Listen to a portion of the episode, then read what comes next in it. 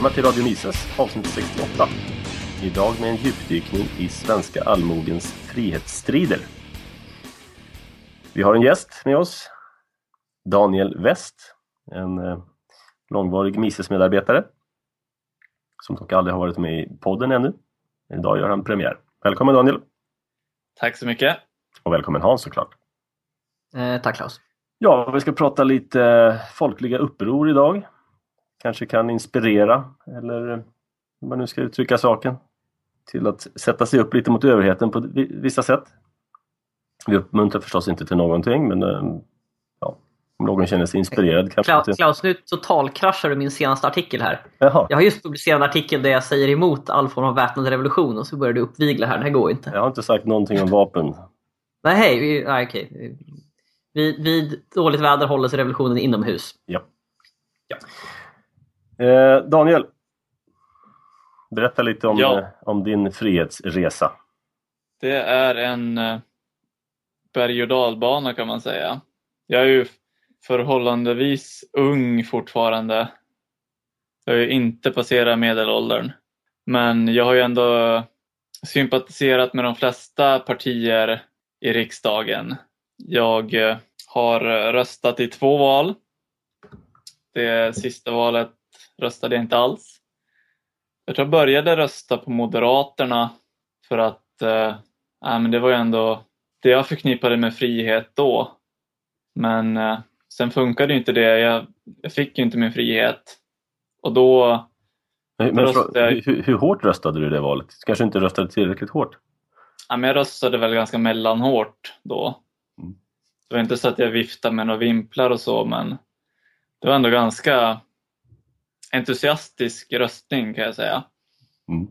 Sen i nästa val så röstade jag på Centerpartiet. För det var ju det här lantliga decentraliseringen. Och det var ju också en barndomsvän skulle jag inte säga, men eh, han var ju lika gammal som mig och kom från samma ort som ställde upp som kandidat som jag röstade på för jag tänkte att ja, men han vet jag vem det är och han kommer ju leverera. Men det visade sig att jag inte röstade tillräckligt hårt den gången heller för det funkade inte. Mm. Kom han in? Han kom in och han är i riksdagen nu. Han har inte levererat? Han har inte levererat, nej. Okay. Sen i sista valet, det var ju däremellan någonstans som jag kan man säga tappade tron på att rösta hårt. Och eh, jag vet inte hur det var men när jag väl började tänka i de banorna att eh, det var nog när jag började tänka mer i moraliska banor och eh, hur ja, politiken bygger på våld av olika hårdhet som jag började ifrågasätta om det verkligen är något jag vill rösta på överhuvudtaget det är ju ett, eh, just det där med att försöka rösta på folk som står en nära kan jag tycka är någonting, det, det är ju en ganska sund instinkt. Eh, vi vill väl alla eh, ge vår, om vi, om vi ska ge makt till någon så är det någon vi litar på naturligtvis. Problemet är väl att oavsett om det, om det är Oavsett vem den man är där man röstar på så har de ju ytterst lite handlingsutrymme och hade de handlingsutrymme så, så handlar det fortfarande om att de ska bestämma, inte över dig utan över någon annan. Det, det är så mycket tråkiga insikter när man inser att demokratin har vissa fundamentala problem sådär. Mm. Men var det här var, vändan då ungefär som du började också intressera dig för frihetsfrågor mer antar jag? Eller? Jo, det var ju alltså delvis att jag eh, sökte mig mer och mer utanför Sverige, både i jobbet och eh, ja, rent i jakten på kunskap men du, du var väl engagerad med Sovereign Man va? Precis. Och du det var ju... med herrar som, eh, vad heter han, Ukip-mannen? Eh, ja, Nigel. Nigel ja, och... Eh, Farage ja. Precis, och Peter Schiff och de här va? Jo, jag var ju, det var ju, jag slutade på universitetet som jag började jobba med, med Sovereign Man. Och deras grundtes kan man säga, det är att man borde rösta mer med fötterna. Ja, men istället för att rösta i val och ge bort din frihet till någon annan så om du inte gillar att bli beskattad, om du inte gillar övervakning och så vidare så då kan du flytta till ett land med mindre skattetryck och med mera friheter. Och om du inte gillar ett banksystem som är helt eh, ja, bankrutt så flyttar du dina pengar till ett banksystem som är sunda finanser. Och det var lite då som jag också sökte mig utanför Sverige en, en stund. Och det var ju då nere i Chile som vi hade en konferens med, ja, med Peter Schiff och med Ron Paul och Nigel Farage. Spännande, men du, du följde inte den banan utan du flyttade hem till, till eh, Sverige? Ja, det var, det var faktiskt en liten uh, kulturkrock som blev för stor för, ja det var väl mest för flickvännen men också för mig att ta sig in med ett helt nytt språk. Jag kunde inte ett ord spanska. Det var ändå familjen som till slut gjorde att jag flyttade tillbaka. Hon ville inte leva där och uh, då följde jag med hem och nu försöker jag bara göra det bästa av situationen. Och det var ju lite där också som jag började söka friheten i mina egna rötter då jag inte kunde så att säga söka den utanför Sverige. Det gör mig väldigt glad att höra Daniel att du, att du är eh, tillbaka i fosterlandet. Jag menar, det är, vissa av oss har ju bestämt oss för att stanna här oavsett hur illa det blir medan vissa andra på det här institutet har valt att sticka någon annanstans. Ingen nämnd och ingen glömd. Jaså? Ja. Mm. Du är alltid välkommen hem Klaus. Ja, jo då. Jag brukar säga det. Behöver dig. Ska komma före eller efter kriget? Det är lite intressant, jag läste Vilhelm Mobergs Min svenska historia. Och då resonerade ju han att om Nils Dacke hade fötts 300 år senare kanske han hade utvandrat till Amerika istället för att ta upp kampen mot centralmakten i brist på möjligheter utomlands. Den eh, historieboken läser faktiskt min dotter, hon som hemskolas. Så hon läser Moberg. Den kanske brister lite i eh, godkänd värdegrund men den har andra förtjänster. Så, bra. Eh, blev du, när stötte du på MIS-institutet i Sverige förresten? Du var ju faktiskt den som tog initiativ till den här podden en gång i tiden. Ja, jag vet faktiskt inte hur jag kom i kontakt med den, men jag kom i kontakt med amerikanska Misesinstitutet innan jag upptäckte det svenska. Det var nog ganska mycket långt senare. Det var nog eh, genom ja, Lou Rockwell och eh, ja, Sovereign Man som egentligen stötte på svenska Misesinstitutet. Mhm. Det här måste ju ha varit... Nu försöker jag komma ihåg här. Klaus, du är ju en av originalarna. Vi möttes första gången 2010? 2011 kanske? Något sånt ja. Jag är inte en av grundarna men en av de tidiga. Ja, det var tidigare. Men Dan, jag undrar om jag var jag före Dan? Jo, men det var det. Jo, men det måste jag. Jag måste ha skrivit min första artikel innan du dök in. Ja. För det gjorde jag någon gång. Oh, något sånt. Jag försöker komma ihåg tidslinjen. Det känns som att en gammal farbror här som sitter och försöker minnas sin ungdom fast det är bara ett par, tre år sedan. Men... Mm. Ja, nej, men det var ju 2012 begav jag mig ut i världen så att säga. Så det var väl kanske 2013 som jag stötte på er då. Och det var ju en frisk fläkt. Jo, vi är lite annorlunda, säger de. Vissa mer än andra. Ja, Ja, nej, men jag kan tycker det, och gissa, gissa vem jag talar om. det är sympatiskt att du för kampen hemifrån. En vacker dag så återvänder jag. Och, En vacker dag så återvänder alla. ja. Det är jag fast övertygad om. Även om, om eh, Ja, jag känner faktiskt en oerhörd längtan ibland efter svensk mark. Märkligt nog. Och eh, ju mer jag studerar historia, vilket jag gör ganska mycket just nu, desto mer känner jag liksom de här banden. ja Det är väl någon, det är väl läng- någon form av mjuk nazism eller någonting tror jag. Det är väl den här längtan till jorden som eh, Moberg ofta skrivit om i sina böcker. Mm. Vad säger ni om det som pågår i det nya Sverige då, ni som är på fosterländsk mark? Det är eh, terrorister till höger och vänster nu. Ja, i Sverige, det har, det har inte hänt någonting här än. Eller hänt, men ja, inga attentat. De har ju bara sprungit omkring och jagat någon som satt på ett, på ett eh, flyktingboende i Skellefteå och tydligen hade namn på dörren dessutom. Ja, ja förutom det där misslyckade självmordsbombaren då, var det 2000? 2010? Han, han, som snubblade på sina egna skosnören och, och sprängde sig i en gränd, eller hur, hur det var.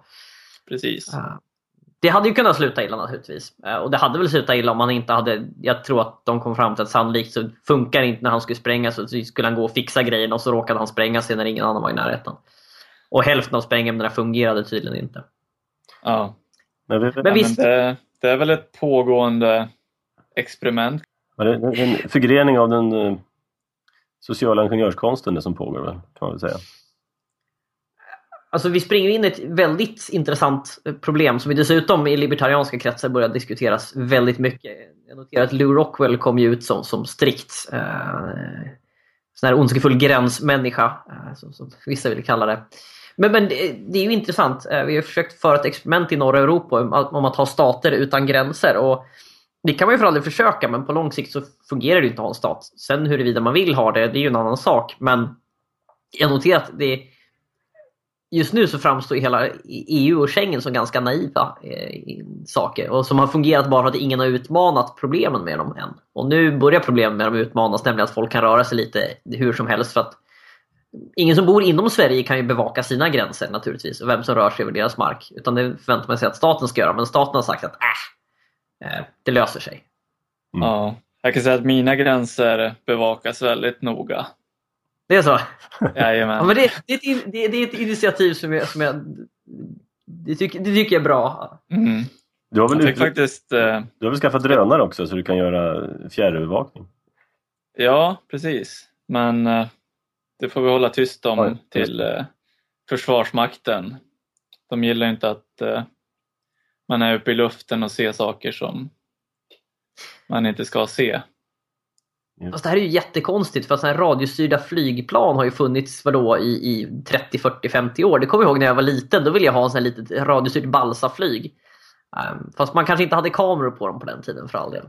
Nej, ja, men det är ju så att du får ju inte lägga upp, ja, enligt gällande lagar får du inte lägga upp en flygbild på internet eller vad som helst utan deras tillstånd. Så mm. det du måste göra det är ju att du får inte mejla bilderna för då räknas det som att du olagligt har publicerat dem. Utan du måste bränna in dem på en CD-skiva eller USB-minne och posta till Försvarsmakten och sen skickar de tillbaka ett brev att ja, men det här är godkänt, det får du publicera. Ja, ja okej, okay. det är för vad man kan se. Jag minns ju att när Google Maps drog igång på allvar så av misstag så var det ju ganska många länder som, eh, ursäkta, ni har publicerat bilder på alla våra militärbaser.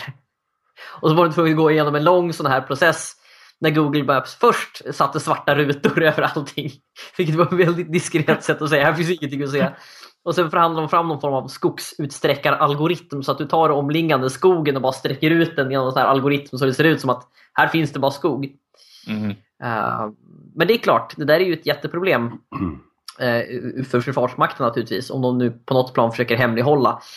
Sen kan man väl jag menar med tanke på att det går att fotografera ner, ner på decimeternivå från satelliter så kan man ju fundera på om, om det är något problem för främmande makt att se precis allting om de nu ville det.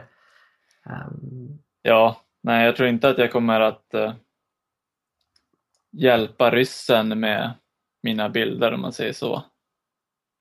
Kan vi göra så här då, som vi gärna vill uppmuntra till laglydighet, att alla ni som lyssnar som har drönare eller känner någon som har drönare Se till att få lite bilder, bränn in dem på en CD-skiva och skicka dem till Försvarsmakten. Ju fler skivor ni skickar in desto bättre. ja, nej, det, det, är svårt att veta vad man ska tycka om det här, för att äh, de vill inte ha publicerat, å andra sidan finns det några svenska militärbaser kvar som någon kan råka publicera bilder på. Jag vet inte. Det, men det, men det är ett udda problem. Alltså nationalstaten som sådan har ju ganska många udda problem nu för tiden. Um, ingen koll på vad folk är, ingen koll på vad folk säger till varandra. Kommunikationer är svåra att avlyssna och det är väl lite det som händer nu också att de i ren panik inser att hoppsan, uh, vi måste försöka hålla koll på vem som kommunicerar med vem. Ja. Det ryktas ju att nuvarande terrornivån har att göra med någon krypterad kommunikation härifrån ner mot IS-kontrollerat territorium. Skrämselhicken nivå 4 är vi på nu va? jag blev ganska skrämd ska sägas. Uh, det har väl kanske lite att göra med att jag bor i huvudstaden också. Ehm, men eh, alltså, det är otrevligt av den anledningen att vi vet att det finns en del nötter eh, överallt. Tyvärr vet vi att det finns en hel del nötter inom landets gränser av samma typ som det fanns i Frankrike. Um, det gör jag mest orolig för att det finns ju ingenting man själv kan göra för, för att skydda sin säkerhet här. Man, utan man får förlita sig på, på att eh, Säpo, polisen och försvaret klarar det här. Och, eh, ja, jag är inte helt trygg med det här alltid ska sägas. Um, ja, det är väl kanske lite underdrift. Du, eh, man ska förbjuda kryptering, eller man vill ju försöka förbjuda kryptering nu har jag sett. Eh, och så vapen naturligtvis då, ska man ge sig på igen. Det känns ju som lite fel eh, medicin va? Ja, vad är poängen med, med att förbjuda kryptering? Att folk då kommer sluta kryptera? Men vänta nu här.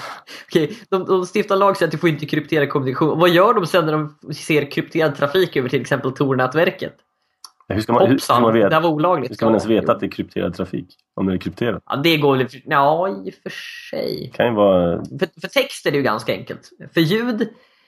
Ja du, Om det är ett, bra fråga. ettor och nollor som går, du kan säga det här är en fil jag har bara. Vadå? Krypterad eller inte? Jo. Nej, det, och det, det, det jag undrar lite över är ju alltid när, när, man genomför någon form av, av, beslut som inte verkar, där de flesta kan inse att det här kommer inte riktigt avhjälpa problemet. Då blir jag alltid orolig och tror att om det här är det bästa beslut de kan komma på, då verkar det som att någon inte riktigt vet vad de ska göra just nu. Och, eh, men jag vet inte, jag, jag kanske är lite, reagerar lite annorlunda här. Jag vet att den korrekta libertarianska hållningen är att säga titta, staten kan inte skydda oss.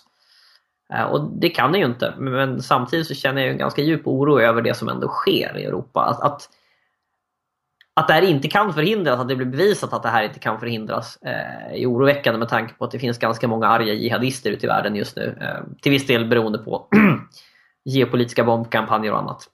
Man skulle kanske kunna säga att vi har varit lite naiva i Sverige. Eller? Nu orkar jag inte Klaus, jag orkar inte. Jag orkar inte lyssna på Stefan Löfven, förlåt. Va? Men det går. Men, men de här franska figurerna, eh, de hade inte ens krypterat sin trafik. Nej, det är ju det bisarra. De hade ju pratat på öppna kanaler och dessutom använt spårbara kreditkort för det mesta. Så de var ju helt in the open som det heter. Alltså de, och dessutom, många av dem var ju kända. Ja, de kanske inte ens bryr sig om att bli upptäckta. Det är det som är grejen. Det här är människor som inte ens bryr sig om att de dör. Så vad spelar det för roll om de krypterar sin trafik och sina, sina transaktioner? Nej, jag, jag tror ju på något sätt är det så att de, de brydde sig nog inte mycket om de blev upptäckta. Och nu hade man ju, man, franska polisen hade ju vad jag förstått stört eller förhindrat ett flertal terror, terrorrådsförsök innan av samma grupperingar, vissa som hade samröre. Ja, det brukar ju låta så, men eh, har man sett några rättegångar eller någonting sånt? Nej, det är också där. Ja, jo, förhindrat. Vi har stoppat 37 stycken terrordåd där många människor skulle ha dött. Men det här, Nej, jag vet. I, I en rättsstat så skulle det här ha satt spår i form av rättegångar. Ja, nej, allt känns ju så fruktansvärt luddigt. Uh, det, det, det, är liksom, man, man, känner sig verkligen som, som, som, ett, som ett hopplöst litet får som springer omkring och blir matad med information eh, från det ena och andra. Och me, media gör det ju inte bättre. Mm. Det är ju så här, alltså panik, alltså man, man, man kan ju få så här djup existentiell ångest av att öppna en tidning i dagsläget. Uh, inte bara av dumheten just nu utan av uh, konstig ryktesspridning. Så här. Mm, nej, gillar inte alls. Ja, men den här Myndigheten för samhällsberedskap skickade ut en, eh, ett meddelande till folket. Man ska vara försiktig vilken information man delar nu för tiden. Och man ska vara noga med källkritik. Man kan gå in på deras sida för att lära sig lite om källkritik och sånt. Så att, eh...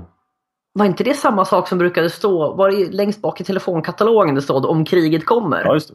Precis. Och så stod det så att du ska, du ska inte dela information som du inte är säker på att den kommer från svenska myndigheter för att det kan vara fienden som bla bla bla. Och, och tro aldrig på, på, på, på, en kommunikation om att, om att Sverige har gett sig, för Sverige ger sig aldrig och såna här saker. Ja, det, det är det jag kommer ihåg bäst. Alla rykten om att liksom, vi skulle ha gett upp är falska på förhand. Ja från, det här var ju från gamla totalförsvarstiden naturligtvis. Nu, nu har vi ett eh, minimalförsvar kanske det ska kallas. Just det! Ja, jag tror vi nöjer oss med den. Det är så många som har diskuterat det här redan så jag vet inte om vi har någonting att ja, införa. Vi får väl hoppas det lugnar ner sig och att ingen flyger i luften. Ingen, ingen mer flyger i luften uh, på grund av knäppa jihadister. Förhoppningspolitik helt enkelt. Jag tänkte säga något syrligt där, men jag har inget syrligt svar. Jag, det, det, är ju det man får sitta och göra, man sitter här och hoppas liksom. Uh, hoppas att inte någon ställer till det. Ja. Det, det är government by hope and moders hjärta som gäller nu. Ja, Nej, men alltså jag tror att det är garanterat att svenskar kommer att dö på grund av svenska politikers ja, politik. Ja, det är jag rätt övertygad om också. Det, det, finns ju en intressant debatt och där, där har jag fruktansvärt svårt att säga. Det finns en del som säger att Sverige borde inte, borde inte ställa upp militärt mot IS och det håller jag helt med om. Av den enkla att jag förstår inte vad Sverige ska i utlandet att göra. Men en, en argumentation som jag faktiskt kan fundera lite på, det, det är så intressant, det här får ni gärna flika in. Det finns miljöpartister som säger att eh, Sverige ska inte, inte aktivt ta ställning militärt eller annorstädes mot IS för då kommer de hit och bombar oss. Och det är en ställning som jag instinktivt har jättesvårt för. Vad vill du göra istället? Nej, jag, jag, jag tycker inte heller Sverige ska bomba IS för jag förstår inte varför jag skulle göra det. Men jag klarar inte av den argumentationen. Eh, men det har väl att göra med att jag, jag på något plan, eh, den, den här undfallenheten, eh, oavsett vad man jag, jag, klarar inte av att man helt enkelt säger nej men vi ska, vi, vi ska, vi ska gå och gömma oss. Och det betyder naturligtvis, nu är jag väldigt tydlig här, jag tycker inte vi ska bomba främmande, konstiga främmande länder i Mellanöstern. Men, men argumentationen slår mig som helt vansinnig. Om, om nu svenska, om, om någon anfaller oss så ska vi lägga oss ner och dö. Det, det, det, den argumentationen har jag aldrig klarat av. Men är det inte rimligt att man försvarar sitt eget område och låter andra Jo, absolut. Eh, men, men, det är lite det som får mig att fundera om Miljöpartiet. Om, om, om, om någon nation ingen nämnd eller glömd skulle invadera, invadera Sverige så skulle miljöpartisten säga fast det är bäst vi inte skjuter tillbaka för då kanske han blir arg. Ja, det menar lite pacifistisk inställning. Ja, men det, jag, får, jag får distinkt känsla av, av ett eh, genusmedvetet försvar här. Ja. Feministisk utrikespolitik. Ja. Nej men eh, jag har också sett intressanta texter på nätet. Ja, det här är libertarianismens misslyckande. Kolla, det går inte med öppna gränser och kolla, det var ju det vi sa från början. Och så. Det är de här lite mer reaktionära höger ställena på nätet. Men, de, de har sett mycket libertarianism i, i praktiken på senaste då, eller? Ja, det är ungefär lite grann som att beskylla Sovjets kollaps för kapitalismens misslyckande. Det, det är inte så att libertarianismen säger att det, det är ingen pacifistisk ja, filosofi. Eh, det är en filosofi som säger att under normala förhållanden så ska man inte stjäla och slå ihjäl folk. Men om jag blir angripen eh, och min egendom hotas, ja, då säger libertarismen ingenting. Så att du kan ju rulla fram atombomberna då om du vill och försvara dig med. Det, alltså... Vi har så många atombomber liggandes Klaus. En sann libertarian har minst en atombomb i källaren. Nåväl, åter till ämnet kanske. vi ska ge oss in i dagens tema. Daniel, en av, du har ju blivit då lite påverkad förstår jag av olika författare. Eh, ja, det kan man väl säga. Det var ju, som jag sa, så har jag ju blivit påverkad mycket av utländska tänkare som Henry David Thoreau, Murray Rothbard, ja, Ludwig von Mises förstås och andra frihetliga tänkare. Men sen när jag bestämde mig för att bosätta mig i Sverige och troligtvis bli kvar här ett bra tag. Så det var väl då jag började söka lite mer efter någon lokalt förankrad historia. Och det var ju där efter ett tag som jag upptäckte Vilhelm Mobergs texter. Det är klart, jag läste ju, alla fick väl läsa Utvandrarserien på högstadiet eller gymnasiet eller vad det var. Och det var ju väldigt lång och tråkig bok tyckte jag då. Men eh, han har ju skrivit så mycket mer, både debattartiklar och mer rent frihetliga och eh, nästan uppviglande böcker som visar på statens natur. Vilken är hans mest uppviglande statsföraktande bok? Jag skulle nog säga ja, för, Förrädarland var ju boken som jag först kom i kontakt med. Och den utspelar sig då i början på 1500-talet då Gustav Vasa tog makten. Och förrädareland, det var ju kungens beteckning på området som gränsade mellan Småland och Blekinge. Där då bönderna bodde på varsin sida gränsen och eh, Varsin sida om ån Fur, precis, där jag har paddlat många gånger. ja. Och eh, som vi alla fick lära oss i skolan så låg ju svensken och dansken ofta i krig med varann. Och då drog ju härarna fram över gränsen och de skövlade och våldtog och eh, brände ner gårdarna. Men eh, det bönderna gjorde då i det här förrädarlandet var ju att de slöt en separat fred med varandra. Och det var ju den här bondefreden som Moberg berättade om i den här boken. Ja, de hade en, en stor röd sten där mitt i ån. Röde sten, där de då samlades och slöt Mm. sin sockenfred. Då kom biskoparna, från de, eller prästerna från de olika kyrkorna dit och ledde det här och folket lovade varandra fred. Ja, då är grejen var att de, de här bönderna, de, på den tiden, då såg man sig inte riktigt som svenskar eller danskar. Utan då var man ju kanske smålänningar eller västgötar eller hallänningar. Så med alla de här äh, krigen, då var det att från en dag till en annan, då kunde ju soldater komma in och säga att nej men nu, nu ska du vara lojal mot den svenska kungen och nästa dag kunde de komma från andra sidan och säga att nej men nu, nu är du dansk. Ja, de hade ju mycket med varandra att göra här. Det var ju, de var ingifta tvärs över eh, ån här och de var ju, hade ju vänner och um, drev ju handel och allt möjligt. Så de var ju inte Ja. intresserade av svensk eller dansk. Nej, alltså på så sätt kan man ju säga att eh, som ni vet, eh, som säkert många här i, som lyssnar på Radio Mises vet, så är det mycket diskussion om svenskhet numera. Och vem är svensk och vad är svenskhet? Men det är ett ganska nytt begrepp om man tänker på den mångtusenåriga historia som finns i Sverige. Det är ju egentligen ett, eh, kan man säga, toppstyrt begrepp som kommer uppifrån och som inte är något naturligt framvuxet. Det är den bild jag har fått i alla fall av att läsa i vår historia. Det var, det var väldigt vanligt om man identifierade sig med landskap och bygd förr i tiden. Eh, dal, dalmasar har väl alltid hävdat att de, har- att de har varit just dalmasar och, och, västgötar och östgötar och så vidare, smålänningar och så vidare. Och landskapen tycks ju vara någon form av mer naturliga gemenskaper som vuxit fram. Sen har alla dal, landskapen då inkluderats i eh, nationalstaten Sverige under Vasa. Ja, inte alla naturligtvis, men de, mesta, de flesta. Jo, det är väl, det är väl den här eviga kampen mellan decentralisering och centralisering. Och jag skulle ju hävda att decentralisering är det ursprungliga och naturligt framvuxna och eh, centralisering det kommer ju alltid uppifrån och ofta påtvingat. Jo, det, det, det är ju en sån här intressant filosofisk fråga. Om, om man lämnar folk i fred, hur stora grupperingar, eh, hur stora grupperingar bildar de? Eh, och det, finns, det finns en intressant teori där om att eh, man klarar av att känna igen och vara bekant med runt är det drygt tusen personer kan man känna igen. Eh, tusen personer kan du lära dig identifiera, identifiera ungefär. Och det är ungefär det, det en människa klarar.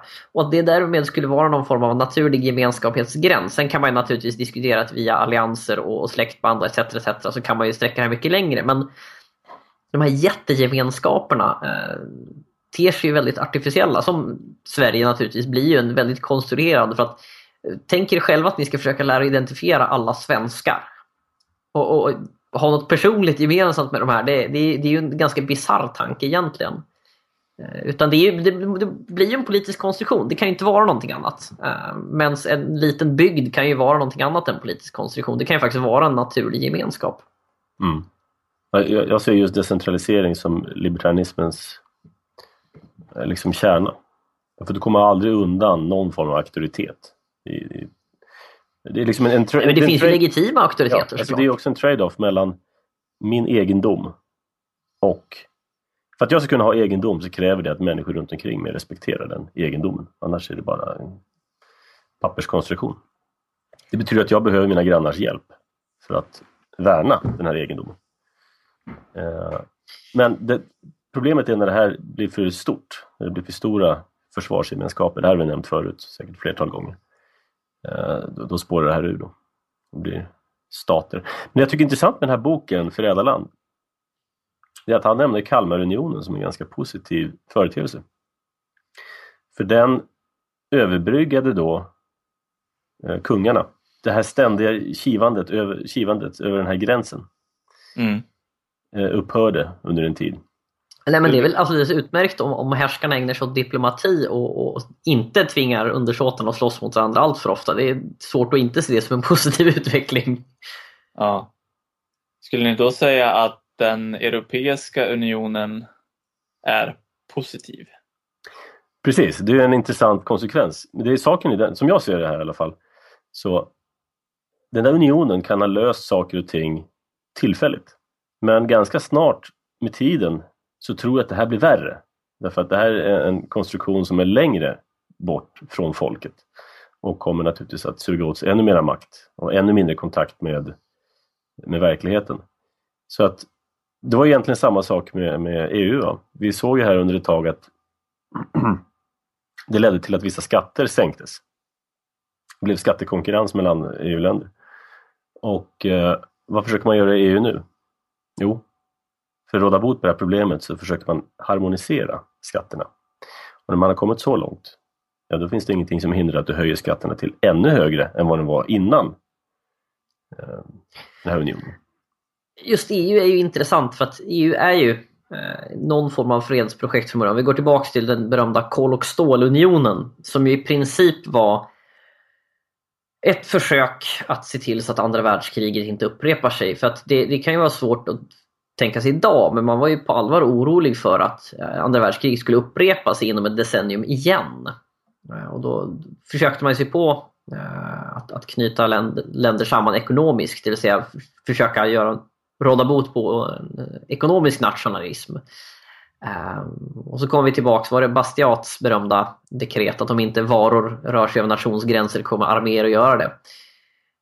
Jag tror att det kan ha varit Bastiat. Men alltså EU är en gammal konstruktion i dagsläget. EU har funnits väldigt länge om vi räknar alla dess inkarnationer och självklart eh, till- och med all, alla institutioner har en bäst före tid. Vissa, för vissa är bäst före datum samma dag som de startades, för vissa är det senare. Men EU framstår ju mer och mer som ett sönderbyråkratiserat, eh, jag vet inte vad. Eh, det var nog länge sedan det kom så här så mycket positivt från EU. Så länge som någon av, jag, jag tror inte att någon av medlemsländerna i EU faktiskt tjänar på EU i dagsläget. Ja, jag vet inte. Du som har läst historien här nu Daniel, vad säger du om eh, Kalmarunionen här då? Jag skulle nu säga så om både Kalmarunionen och Europeiska unionen att det är ju inte gemene man, alltså vanligt folk som vill gå över gränserna och döda varandra utan det är ju politiker som skickar folket över gränserna. Så alltså det är klart att unioner på så sätt kan få politiker att sluta skicka folk i döden men politikerna finns ju ändå kvar. Det är en väldigt bra poäng, eh, bara för att eh, det, det finns tyvärr mycket annat dumt som politiker kan ställa till med. Mm. Um, Men jag tror att tanken är, tanken är väldigt god att eh, underlätta handel.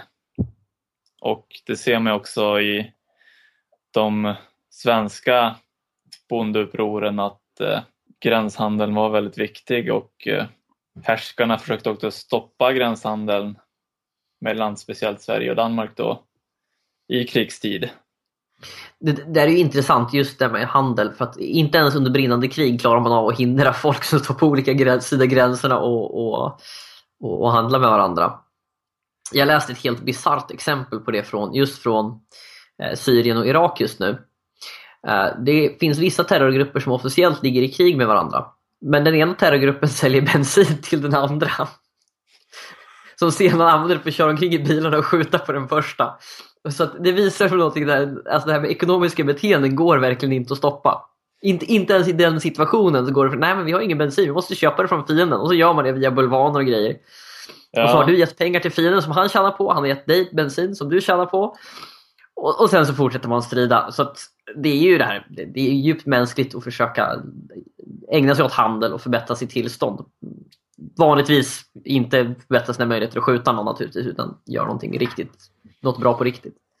Ja, Nej, men som jag har förstått det så rår ju IS om ett antal oljefält av, som producerar ganska betydande mängd olja. Och eh, det är ju någon som köper den här oljan också. Det är väl hundratals miljoner dollar som det handlar om. Ja, det märkliga är ju att men alla som har gjort lumpen åtminstone någon typ av militärutbildning, de vet ju att det viktigaste för att upprätthålla, liksom kunna fortsätta striden, det är att ha försörjning. Eh, om du klipper av någons försörjningslinjer, då är det ganska snart slut. Och det verkar ju som att NATO och USA har glömt att bomba de här oljefälten som försörjer IS. Det ska sägas att i dagarna så började de med just det. Um, ja just det, men under de senaste ett och ett halvt åren så har man tydligen Nej, nej precis, man, man har ju dragit sig från att göra det av någon anledning. Uh, jag vet inte om det, man kan ju i och för sig argumentera att de kanske har tyckt att det är civila mål och det är oacceptabelt. Jag vet inte. Uh, det är väl en av de få bra saker jag läst att de tydligen har De flygbombar med flygblad uh, strax innan nu och säger att den här, den, här, den här konvojen kommer snart sprängas. Vänligen lämna förarhytten och spring. Ja, alltså du behöver ju inte bomba själva oljefälten. Du kan ju bomba pipelines, pipelines och frakt. Vägar ja, etc. Precis. Nej, nej, så är det. Och... Men det är bra att man har kommit på det nu i alla fall, så här ett och ett halvt år senare. Hela situationen är så bisarr så jag, jag vet inte om det är lönt att försöka uttala sig om, om striden mot IS för att det finns så många konstiga abrovinker på det här så jag förstår verkligen inte någonting. Men åter till Kalmarunionen. Mm. 1397 till 1523, alltså ungefär 130 år gammal blev den tills Gustav Eriksson Vasa drogs ur. Eh, men jag är, det här med unioner för att främja handel, det är ju egentligen ganska fånigt. Därför att vem är det som stoppar handeln? Jo, det är, det är staten som stoppar handeln. Och sen gör staten en union, en annan stat och säger att ja, nu får vi handla här. Hur svårt är det bara att säga handla om ni vill, vi bryr oss inte. Ja, nej, det är väl precis som, eh, som man kan läsa i Förrädarland att vi ska inte spoila men jag kan ju berätta om eh, uh, Dackefejden istället. Det var Gustav Vasa som uh, förbjöd gränshandel i Danmark. Det var ju Värend i Småland. Det var ett av många småland där och de var ju beroende av export av uh, boskap till Danmark. Men kungen förbjöd ju då smålänningarna från att driva oxar eller hästar över gränsen. Och den som gjorde det den fick ju då huvudet avhugget. Men eh, det stoppade inte smålänningarna ändå från att försöka smuggla över oxar till Blekinge. Ja, de, de bröt mot lagen där helt enkelt. Ja, alltså de var ju lika beroende av exporten som Blekingeborna var av importen. Så. Mm. Vi ska prata lite grann om några av de här folkliga upproren tänkte jag. Jag pratade med en, en bekant här, han sa så här, han träffade två historielärare för några veckor sedan. Som halvt på skämt kallade sig för värdegrundskommissarier och inte lärare. De sa att det var omöjligt att lära ut en korrekt historiebeskrivning i den svenska skolan. Och de skrev till och med egna läromedel för att det var så omöjligt att hitta sanningen i de böcker som fanns tillgängliga. Eh, historia är på något sätt ett, ett kärnämne här i skolan tror jag det kallas. Men jag blir alltid misstänksam när staten ska lära ut historia. Och eh, därför tycker jag det är intressant det här som du gör nu Daniel. Du jobbar ju på att försöka återuppliva många gamla historiska allmogeskildringar.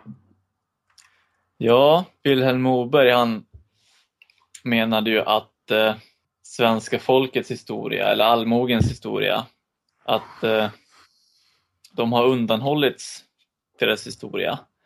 Medans eh, all plats i historieböckerna har getts åt eh, kungar och eh, ja, överheten. Och det är också det man får lära sig i skolan idag eh, om eh, hur förträfflig den svenska demokratin är och att den är som en, att det är som en linjär utveckling från det här eh, barbariet i ursvenskens historia som Reinfeldt pratade om. Ja. Jag, jag, tycker lite synd om Reinfeldt. Han, nu är han ju inte politiskt aktiv längre, vilket vi tackar för. Men han kommer bli ihågkommen för de mest bizarra uttalanden eh, under sin karriär. Alltså framförallt han, man kan säga att man vill om Fredrik Reinfeldt, men han, han statsministern som spårade ur, jag vet inte vad man ska säga. Men just det du säger om det här med linjära beskrivningen, det finns ju det, det finns en, en bland, bland historieberättare så finns det en begrepp för det här som ett tag kallas det för the Whig theory of history, nämligen den, den e, evigt progressiva historien. Jag vet att bland annat Murray Rothbard um, tyckte att det här var ganska, ganska, ganska dåligt sätt att beskriva historien. För han hävdade att historien går inte spikrakt uppåt. Den går, saker går åt pepparn ibland också. Det går neråt ibland och så vidare. Ehm, men för den som är intresserad så finns det en bok som heter The Whig Theory of History av en brittisk historiker som hette Herbert Butterfield. Som skrev den här i början på 1900-talet. Jag har den i bokhyllan någonstans. Uh, så kan vara lite intressant. För det är, det är ju tyvärr inte något nytt det här. Så här har man sett på historien ganska länge. Att det är en evig progression uppåt och allt som var förut var sämre per definition. Allt som kommer framåt är bättre per definition. Men varför ska man intressera sig ens av historien, Daniel? Är det, är det värt att lägga tid på? Jo, men det, det är klart det är. Alltså jag har ju funderat mycket senaste åren på hur man lever ett bra liv och hur man är en god människa och så. Och eh, det är svårt att komma fram till någonting om man som inte har en referenspunkt till eh, hur det har varit och eh, jag hittade ett, ett fint stycke från Vilhelm Mobergs Min svenska historia där han citerar en snubbe och eh, det låter så här. Jag ska läsa upp ett stycke. Varje sann historia måste genom sin mänskliga och levande framställningskonst få oss att komma ihåg att det förflutna en gång var lika verkligt som det nuvarande och lika osäkert som det kommande. I ljuset av vad människorna en gång har varit kan man se vad man själv är och dunkelt urskilja vad man borde vara. Och Det tycker jag var ganska fint. Och så just om man ställer det i relation till det här med frihet.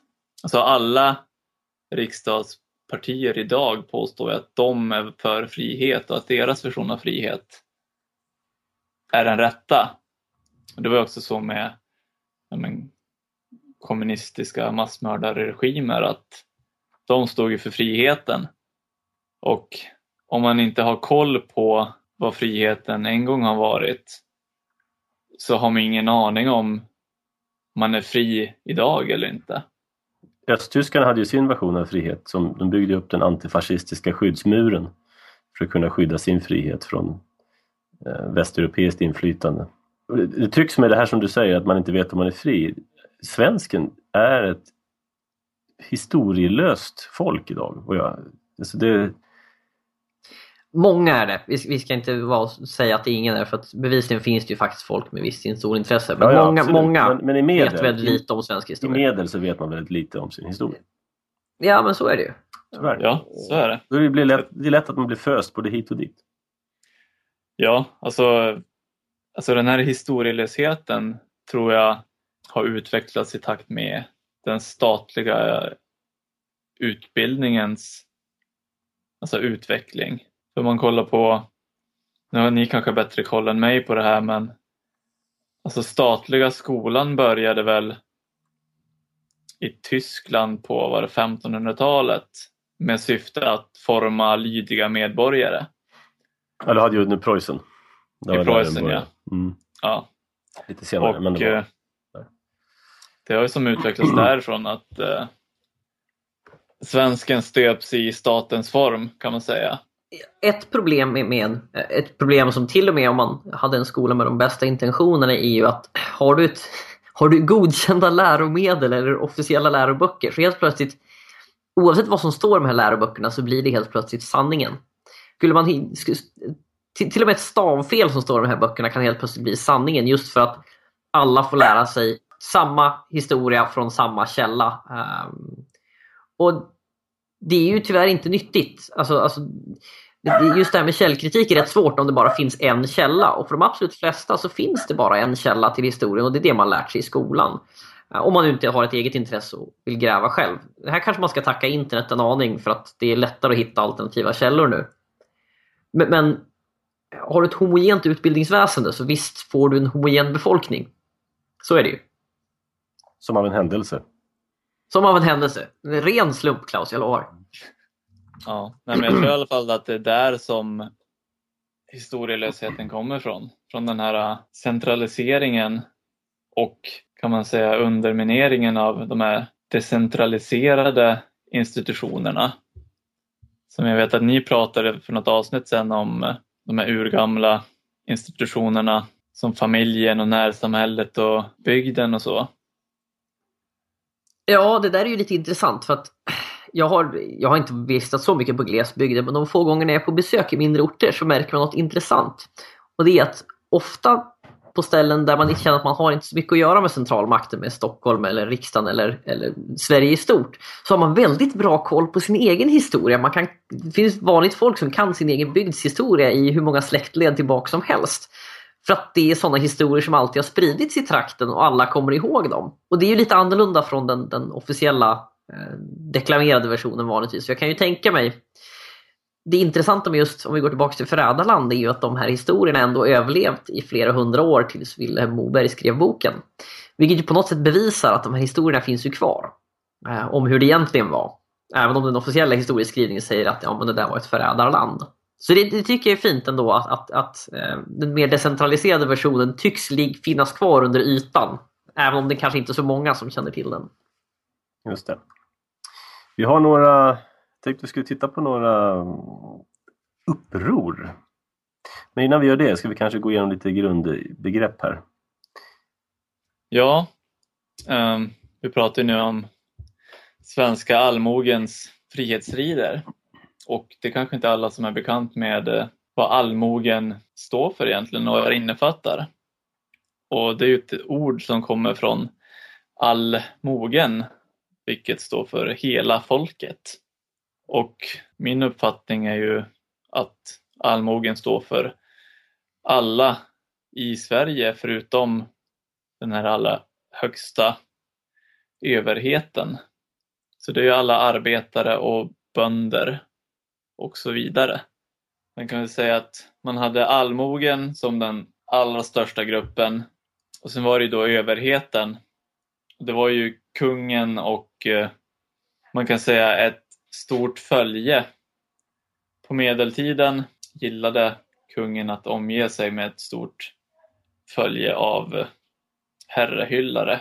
Och det var ett ord som Vilhelm Moberg gillade att använda. Ja, jag, jag tror att ordet herrehyllare lite förklarar sig självt. Men... Eh, ja, det var i alla fall Klaus... de som på något sätt understödde eller fjäskade för eller gick ärenden åt överheten. Och det var ju präster och den tidens intellektuella.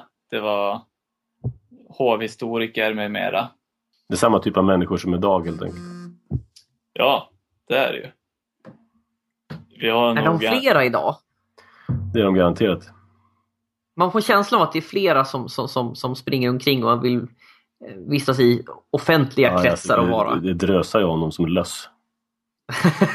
Jo men det är väldigt mycket, offentligheten tycks bli större och större. Det, det är mer eh, duktiga människor i media och, ja, men alltså, ju, ju, ju förståsigpåare och sådär. Ju mer avancerad och, eh, ekonomin blir, desto mer har kollektivt råd med den här typen av blodsugare som inte egentligen gör någon nytta utan bara hyllar överheten på olika sätt. Så det, det är helt naturligt. Det är en bekväm sits att sitta i, att vara herrehyllare Ja, och det är alltså det, om man säger idag så omfattar väl det de flesta journalister, speciellt på SVT, Sveriges Radio, men också dagens intellektuella professorer på universitetet och sen alla den här svärmen av kulturarbetare som lever på skattebidrag kan man säga. Och alla ja. de här har ju, jag vet inte, de har väl till och med i sin, vad säger man, mission att värna den svenska demokratin och värdegrunden.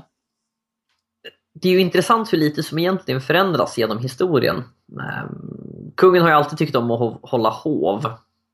Um, i, i, till viss del har han sagt att under vissa perioder i historien, uh, bland annat Frankrike för revolution, revolutionär tid, så, så tyck, tyckte kungen om att hålla hov helt enkelt för att han skulle hålla adelsmännen borta från sina egna ägor och så skulle han tvinga dem att springa omkring i hans slott så att de inte skulle kunna göra uppror. Och med tiden så blev det här någon form av um, det blev nog, hela adeln slutade med att högadeln bara sprang omkring på maskeradbalar och fjollade sig. Och att kungen tyckte det här var alldeles utmärkt för då det blev en liten så här societetskultur i sig. Men man, på något plan så känner man igen det här. Eh, det, det här med eh, något som jag tycker är helt bisarrt nu för tiden. Det är när folk eh, har såna här pressträffar. När de ska göra uttalanden, officiella uttalanden och så står det en sån här kader med små människor där som ska ställa de rätta och viktiga frågorna. Och är man tillräckligt duktig så har man blivit inbjuden och annars får man inte vara där. Och det naturligtvis ingår i hela processen att om du ställer alldeles för otrevliga frågor, nej, då blir du kanske inte inbjuden nästa gång. Eh, så det, det, blir ju något så här litet skådespel av det och det får mig alltid att tänka på, på gamla tiders hov lite. Jo, men det är ju precis som då kungen blev upphöjd till skyarna som Guds sändebud på jorden av prästerskapet så funkar det ju likadant idag att den intellektuella kåren journalister legitimerar dagens samhällsskick på samma sätt.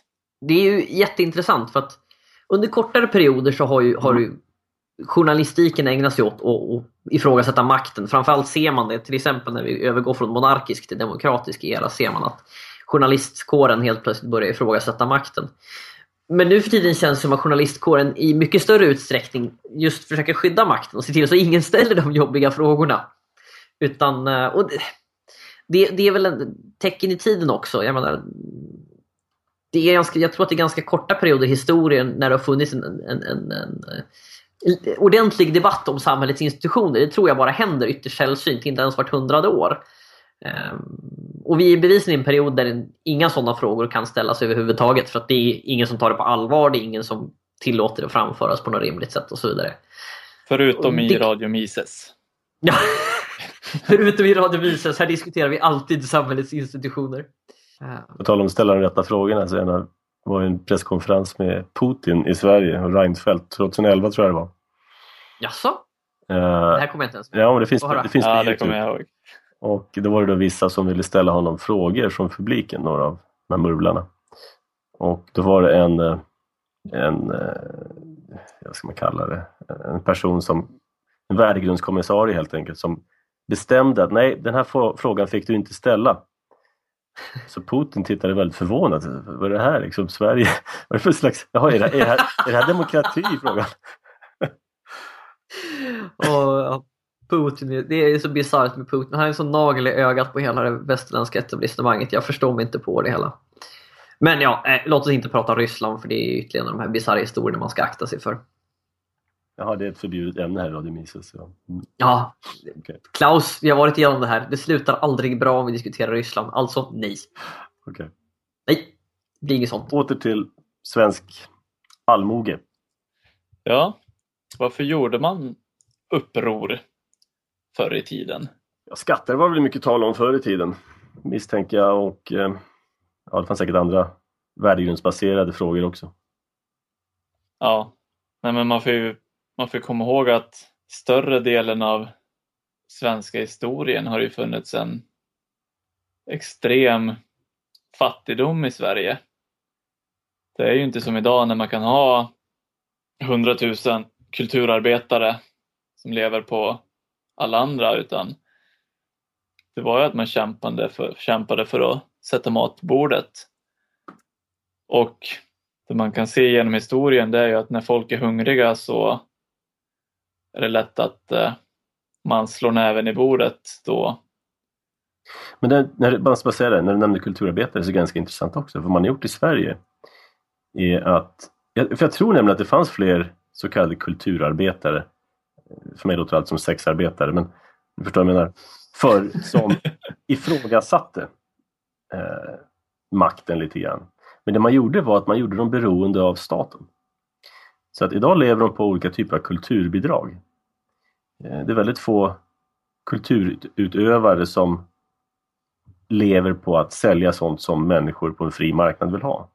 De flesta idag har man lyckats göra beroende av staten. Och då får man ju naturligtvis ett resultat därefter också. Du får väldigt Mm. lite, man, man biter ju inte den hand som föder den gärna. Nej, precis. Nåväl, nog om det.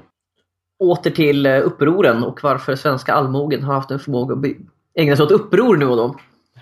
Ja, alltså man kan väl säga att precis nu som då så har ju Sverige väldigt länge haft ett högt skattetryck. Och förr i tiden var det ju mest för att bekosta krig runt om i Europa. Ja, och bekosta stormaktsambitioner också.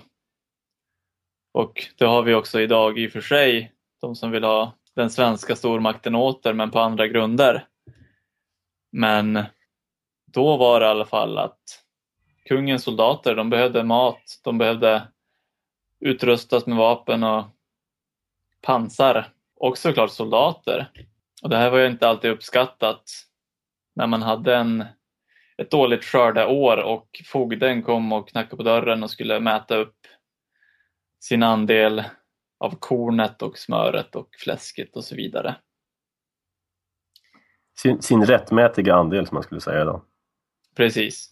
Och eh, det är ju i de flesta svenska upproren så var det just skatterna och ett hänsynslöst fogdevälde som var en stor bidragande orsak till att allmogen fick nog.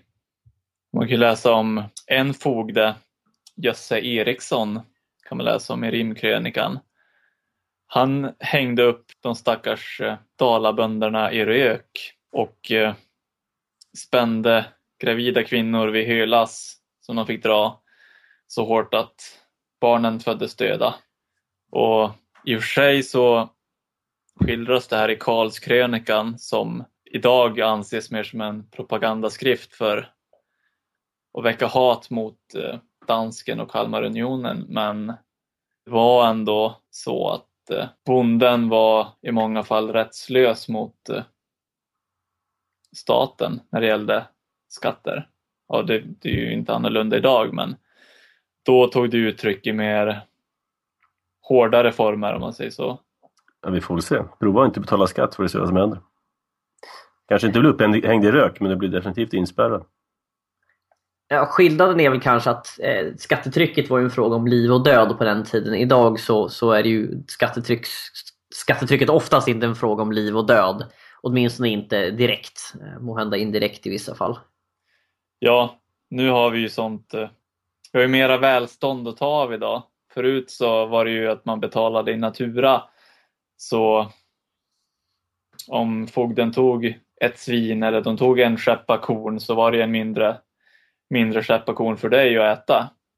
Och, eh, Sen ska man ju komma ihåg att upproren skedde ju oftast långt innan 10% skattetryck på den här tiden. Eh, Det kan också vara värt att komma ihåg att eh, gränsen gick en bra bit under 10 innan, innan man tog till vapen. Jo, de var lite känsligare på den tiden. Ja, så är det. Ofta bestämde de ju hur mycket skatt du skulle betala ut efter storleken på gården. Och eh, hade du då ett dåligt skördeår så kunde de ändå komma och säga att nej men vi har beräknat att du ska få så här mycket skörd så då ska du betala det här i skatt. Så ingen frågade ju om bonden hade något kvar av sin skörd när alla skatter var betalda utan de skulle ha sin beskärda del oavsett om det var en bra skörd eller inte. Sen var det klart att de kunde få skattelättnader vid ett dåligt skördeår men i vissa fall så blev ju bonden lämnad där utan mat också inför vintern och då svaltade de ju. Mm. Just det. Engelbrekt, 1300-1400-talet.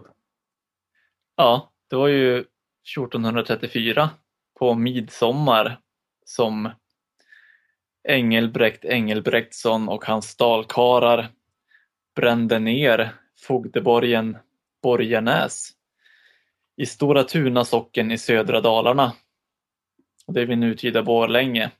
Och eh, det var ju då kung Erik av Pommern, unionskungen, som styrde Sverige då. Och det var ju precis som under Dackefejden här många orsaker som ledde till upproret. Och det var också då mycket med skatter att göra. Men Erik av Pommern, han var väl eh, norsk kung va?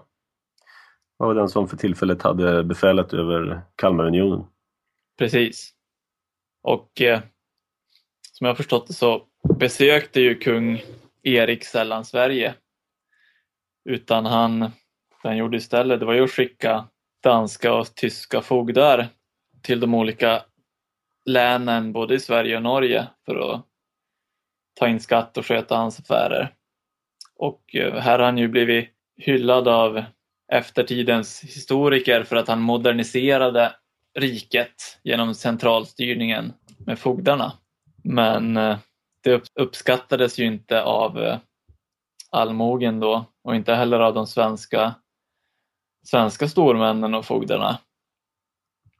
Men en annan bidragande sak som allmogen inte gillade det var att han införde att undersåtarna skulle betala skatt med kontanter. Så fogdarna kom ju då ut till bönderna och mätta upp deras säd, smör, kött, hö och så vidare. Och eh, helt godtyckligt så var det fogdarna som värderade de här produkterna då och eh, sa hur mycket bönderna skulle betala. Då var det så att i det här fogdeväldet så kunde fogden undervärdera varorna och på så sätt stoppa vinsten i egna fickor. Och det var ju den här rättslösheten som gentemot fogden som bidrog till att bönderna fick nog. Vad praktiskt att de kan värdera uppbörden helt godtyckligt. Ja, men det har man ju läst om lite nutida exempel också på företagare som är oense med eh, Skatteverket. Där Skatteverket godtyckligt kan uppskatta att så här mycket tjänade du det där året och därför har, du- ska du få så här mycket i straffskatt. Men var de inte inne hos någon pizzabagare och vägde upp hur mycket mjöl en pizza skulle innehålla eller om det var en kafeteria eller någonting? Eh, Det här var ju ganska nyligen såg jag. Det var, ja. Ja, det var något jättebisarrt. De kom fram till att han gjorde av med så mycket, om det nu var mjöl eller någonting, så att nej, han har nog gjort minst tre gånger så många pizzor som han sa. Alltså ska han upptaxeras för att han, han har Men fuskat du- med skatten. Var det inte någonting på något café också att Skatteverket hade beräknat hur mycket kaffe, har du rätt? Jag tror att det var ett kaffe. uh, mycket kaffebönor som gick åt till att göra en kopp e- espresso. Och då kom ju de fram till att det här kaféet hade sålt ja, men, tusentals mer koppar kaffe för att de tog en så liten mängd kaffebönor till varje kopp. Enligt Skatteverkets beräkningar. Men det var ju flera baristas och ja, inom kaffeindustrin som sa att nej men det går inte att göra en acceptabel espresso på den där mängden kaffe. om, du, om du använder för mycket kaffebönor i kaffet, då kommer vi upptaxera dig eftersom vi anser att du fuskar med skatten. det, är, det är ett så bisarrt resonemang. Ja, och det, alltså det där är bara ett, ännu ett exempel på att historien upprepar sig och att ja, vi är långt ifrån perfekta idag om man säger så. Mm. Så, är det absolut. Uh, ska vi försöka springa tillbaks? Var var vi? Var vi Engelbrekt? Tror jag. Det var vi ja. Vi var vid orsakerna till upproret. Ja, Ja. vad händer då? Ehm, hur, hur utspelar sig det hela? Alltså det här utspelar sig samtidigt som den här fogden Jösse Eriksson hänger upp folk i rök. Alltså det började ju några år innan egentligen med att eh, bönderna tågade till Västerås slott för att protestera mot den här fogden. Det var en dansk fogde som hade basen på det här slottet. Sen valde de Engelbrekt och han var ju då en, kan man säga, en stor man. Han var ju väldigt väl ansedd bland bönderna. De valde han som en representant för att ta deras klagomål till kungen. Och på den här tiden och stora delar av svenska historien, då har ju bönderna, om de haft klagomål, kunnat få gå till kungen och eh, framföra dem. Eller en representant framföra klagomålen direkt till kungen. Det kan man ju inte göra idag. Men om vi ska hålla oss till ämnet så var det i alla fall Engelbrekt som framförde de här klagomålen. De ville få den här eh, hemska fogden avsatt, avskedad. Men det ville inte kung Erik och till slut så blev de ju bara less och tog till vapen och tågade och brände ner fogdeborgen vid nutida Borlänge. Och det var alltså midsommar 1434. Ett välsignat år. Ja, precis. Men alltså som jag har förstått det, de här första gången de tågade till Västerås så var de ju helt obeväpnade. För redan 1347 var det ju förbjudet för arbetare i Falu gruva och runt det här Kopparberget att bära vapen. Och det var ju Magnus Eriksson som förbjöd allmogen att eh, bära vapen som man kan göra någon annan skada med. Ja, man, fick... man var bekymrad över människors, att de inte skulle skada sig och så, kanske. Precis. Så det var ju på sin höjd en matkniv som man fick bära som arbetare.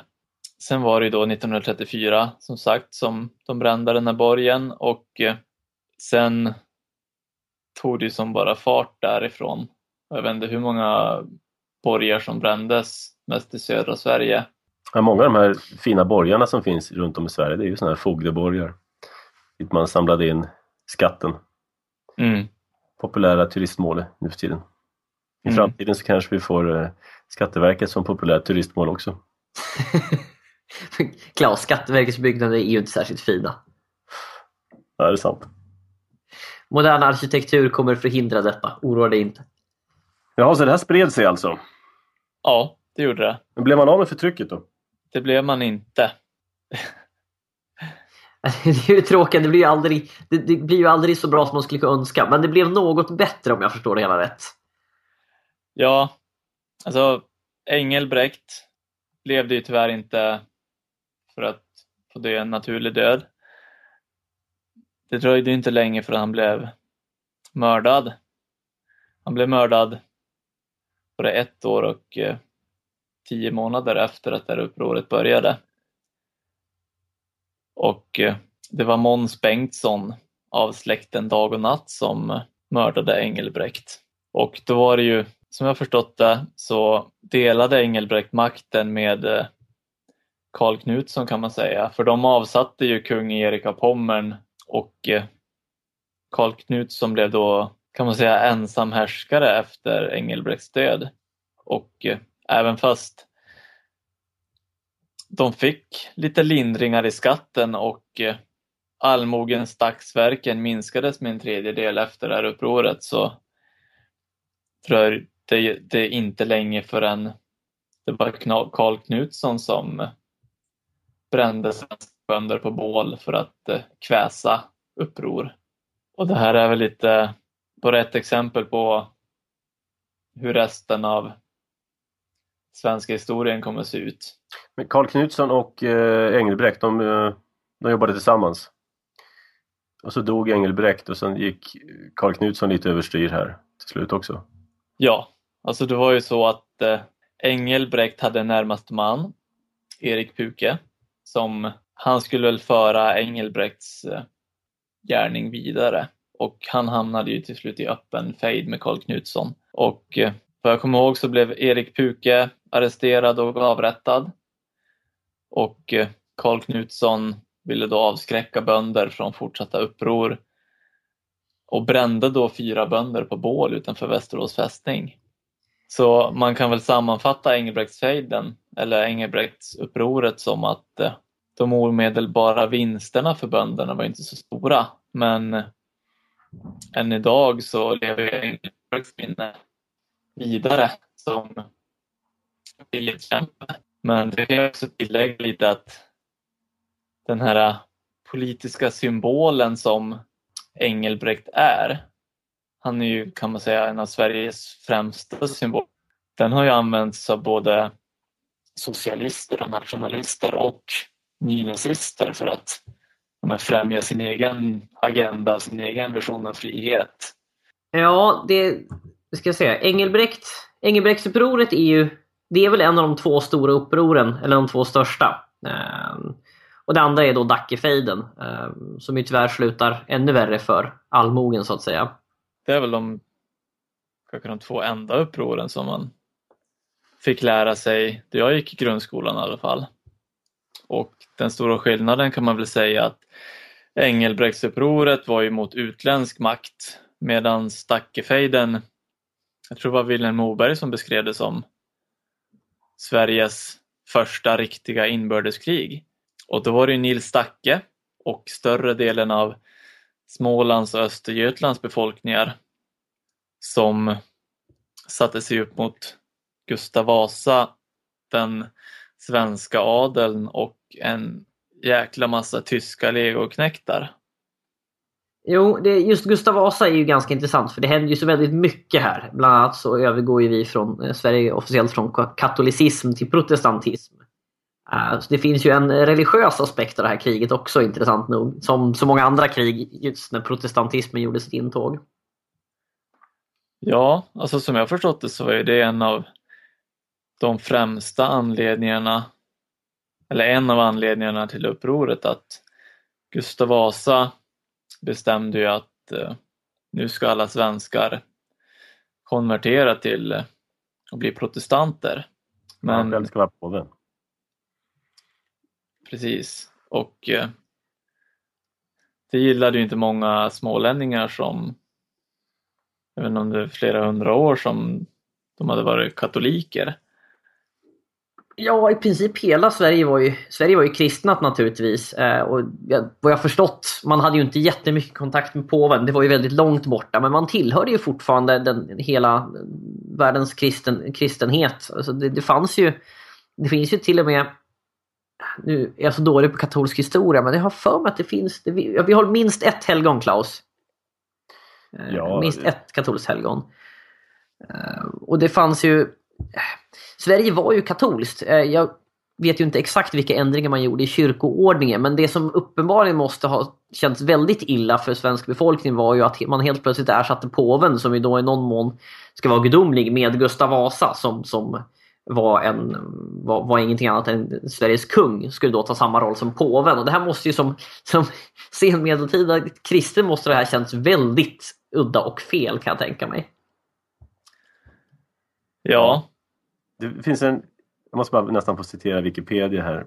Eh, som, mm. som en övergång från Erika Pommern till Gustav Vasa. Det står så här om hans eftermäle.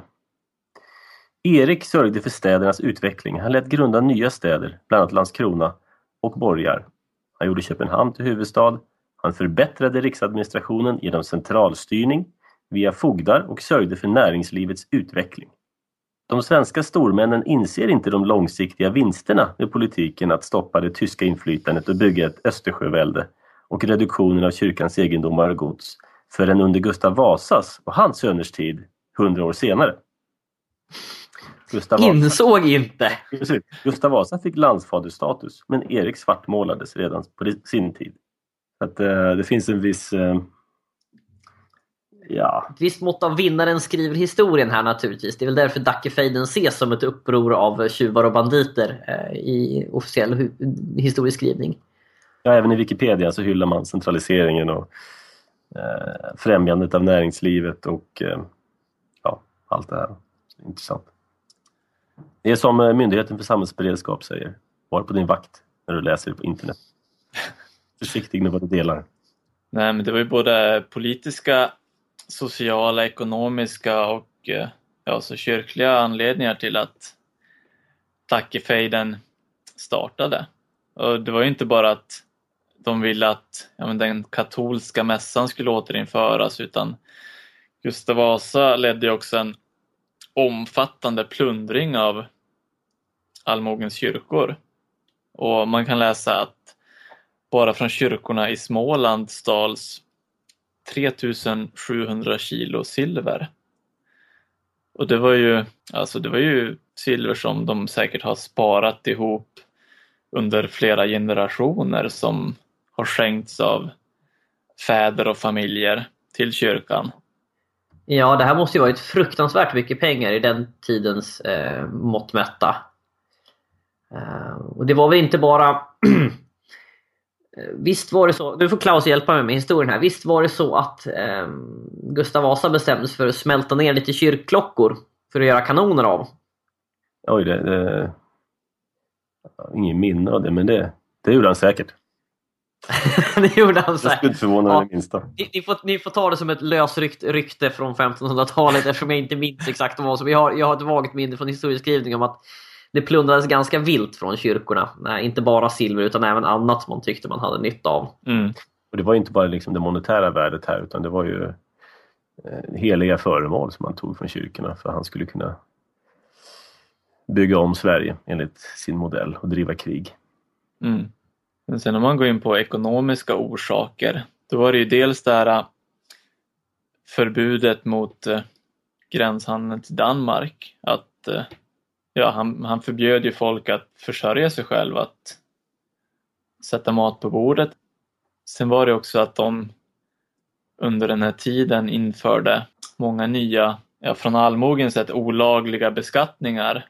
Och tillsammans med det här fogdeväldet att eh, då hade fogdar rätt till mat och husrum på alla bondgårdar till exempel. De tog vart femte svin från bonden och ovanpå det förväntades också bönder att betala mutor till fogden utöver skatterna och betalar man inte de här fogdemutan så var man i princip rättslös. Så det var den som hade mest pengar som i princip kunde muta sig till rättvisa på den tiden. Eller muta sig undan rättvisan. Precis. Och eh, det här har Gustav Vasa själv erkänt i ett eh, kungabrev. Just den här utarmningen av allmogen i de här områdena. Men såklart så skyller han allt det här på sina underordnade och han tar ju själv inte på sig någon skuld för det här. Jag skulle vilja likna det lite till att eh, Löfven säger att Sverige har varit naiva. Han säger självfallet inte att jag har varit naiv utan det är ju såklart det luddiga Sverige och alla underordnade. Det verkar vara en fin svensk tradition som har pågått, som har några hundra, hundra år på nacken. Ja, det var faktiskt Vilhelm Moberg som noterade det här i sin bok Min svenska historia att redan på 1500-talet förekom det att makthavare vid behov skyllde på sina tjänstemän. Det, det är bekvämt att ha tjänstemän att skylla på kan jag bara inflika. Det är inte alla, det, alla av oss har ju tyvärr inte några tjänstemän vi kan kasta under bussen när det går illa. Nej, men det fanns i alla fall ett djupt rotat missnöje hos allmogen. Så Nils Stacke han behövde egentligen inte uppvigla de här bönderna till våld. Det räckte med att han skickade ut sina budkavlar i bygderna. Man kan väl säga att det fanns ju ett litet förspel några år innan Dackefejden där Nils Dacke tillsammans med en annan bonde dräpte en av de här äh, särskilt grymma fogdarna i sin by. Då gick han på skogen och blev fredslös kan man säga.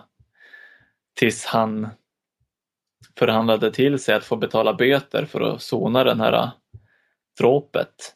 Till slut så blev det så att ja, men det här fogdeväldet fortsatte ju och eh, nu är jag inte en expert på alla detaljer men jag har för mig att han dräpte en till fogde och att det var då som själva upproret tog igång på riktigt. Han hade lite kort stubin den där Nils Dacke. Eventuellt. Ja, det var väl några år lång i alla fall, hans stubin. Ja, jo, i och för sig. Men, men på det sättet kan man säga att han hade ovanligt lång stubin kanske. ja. Men allmogen reste sig då i alla fall för att de var less på det här fogdeväldet, de var less på höga skatterna, de ville ha tillbaka sin katolska folkkyrka, de ville få handla med Danmark igen och eh, det gick ju faktiskt väldigt bra för Nils Dacke och hans bonde här. Det startade ju som ett gerillakrig men det slutade ju med riktiga alltså fältslag. Men där de utmärkte sig mot de här äh, tyska legoknektarna det var just i gerillakriget i de djupa svenska skogarna där legoknektarna inte alls var bekanta med att strida. Och det gick ju så långt som att Gustav Vasa slöt ju till slut vapenstillestånd med Nils Dacke som blev hövding över Småland ett kort tag. Och här kan man ju se lite, som du Claes nämnde, att vi lite motiven till, ja om Nils Dacke hade några egna motiv med det här. Och eh, han hade ju faktiskt förhoppningar till att få vara hövding över Småland under kungen då och få styra Småland som sitt eget län. Men det han gjorde nu under de här eh, få månaderna som vapenstilleståndet varade, det var ju att han återinförde katolsk mässa. Han öppnade riksgränsen igen så man fick handla med Danmark och han lovade också skattelättnader. Men tyvärr hann han ju inte införa dem för han blev ju mördad innan. Just det. Precis, kungen, han, eh, Gustav, han tog ett lån va? i eh, Lübeck för de här knäktarna och eh, sen svek han väl det här stilleståndet. Ja, han hade väl inte ens någon egentlig avsikt att hålla freden från början. Han såg det som en chans att uppmana fler ligoknektar och fler av adelns soldater. Mm. Så om man ska sammanfatta efterspelet, det var ju att kungen bröt freden, Dacke började lida nederlag och till slut blev han en jagad man och Eh, blev då hittad av kungens män som sköt ihjäl han. Och sen följde en lång och hemsk period för Smålands befolkning då de tyska knäktarna fick eh, skövla och våldta bäst de ville i Småland tills kungen kallade tillbaka dem för att inte Småland skulle bli helt fördärvat. Mm. Landsfadern. Som sagt, det är ju väldigt intressant att ingenting av det här står i den, i den historieskrivning man vanligtvis får eh, höra. Jag menar för någon som är någon som har läst historien så är det inte alls konstigt. Det händer ju ganska ofta att, eh, att eh, man, man hämnas på en region som gjort uppror genom att låta eh, egna soldater eller utländska bara eh, dra, dra runt och slå ihjäl folk och, och sätta eld på saker tills man är nöjd. Um, vi idag tycker det är jättehemskt men det är tyvärr en ganska vanlig historisk företeelse. Uh, men det är ju intressant att eftersom, just eftersom Gustav Vasa är landsfadern så vill man inte gärna skriva in det här i för många historieböcker. Nej, så är det ju. Och det var väl just den här äh, skeva historieskrivningen som Vilhelm Moberg försökte skriva om då och skildra folkets historia istället för kungarnas historia. Han var så kallad revisionist. Så kan man säga. Det är ju alltid folket som kommer i kläm. Det, det, om det är någonting historien tyvärr lär oss så är det att det är alltid småfolket som kommer i kläm. Ja, det är det ju. Men man lär sig också av historien att en eh, hyfsat liten andel folk kan ställa till ganska mycket problem för överheten. Det tycker jag är uppmuntrande. Ja, på ett sätt är det ju deprimerande att eh, vi fortfarande, man kan säga att idag har vi ännu högre skattetryck och ännu mer byråkrati och överförmynderi i Sverige. Men det är klart, vi har också ett högre välstånd så vi märker inte av det här dolda förtrycket lika tydligt. Ja, nej, det finns ju en poäng eh, som är lite, jag skulle vilja göra som är lite svår att få fram. Men det här med att sätta sig upp mot överheten, eh, det är många som har försökt det och tyvärr så slutar det ganska sällan bra om man försöker göra det med vapenmakt. Eh, nu knyter jag an till det vi sa precis i inledningen av avsnittet att jag menar, Sverige har ju utvecklats. Vissa saker är väsentligt mycket bättre nu än det var för 500 år sedan. Men ingen av den här utvecklingen har ju kommit från någon form av våldsutövning eller uppror. Utan allmogen vill ju ha fred, frihet och bygga, bygga sitt samhälle i fred och får de göra det tillräckligt länge så blir ju saker bättre. Om ingen kliver på dem. Mm. En annan sak som jag tycker är intressant här det är just eh, unionerna och utländskt inflytande. Det är mycket, jag menar både för Erik här, han körde med sina utländska fogdar Gustav Vasa, han körde med sina utländska knäktar och överstatlighet och centralisering. Och jag tycker om man nu ska lära sig något av historien så är det ju precis det här som pågår då med EU och andra överstatliga organ. Det tycks inte fungera så bra i längden. Vi får se vad som händer om eh, man vill dra sig ur de här överstatliga sammanslutningarna. Om det går, eller om det återigen kommer in utländska fogdar eh, och knäktar. Det skulle vara väldigt spännande att se vad som skulle hända om något land skulle vilja dra sig ur EU. Det är ju inte omöjligt att det händer, eller det är snarare sannolikt att no no någon kommer försöka vara först ut eh, om inte så länge. Storbritannien har ju hotat mer naturligtvis men det finns ju ett antal länder i Östeuropa som sannolikt eh, är ganska tveksamma till sitt EU-medlemskap i dagsläget. Eh, så det, det, det, kan ju mycket väl bli så att vi får se det de närmsta åren får vi se hur något sånt utspelar sig i den moderna världen och vad, vad det får för konsekvenser och så vidare. Mm.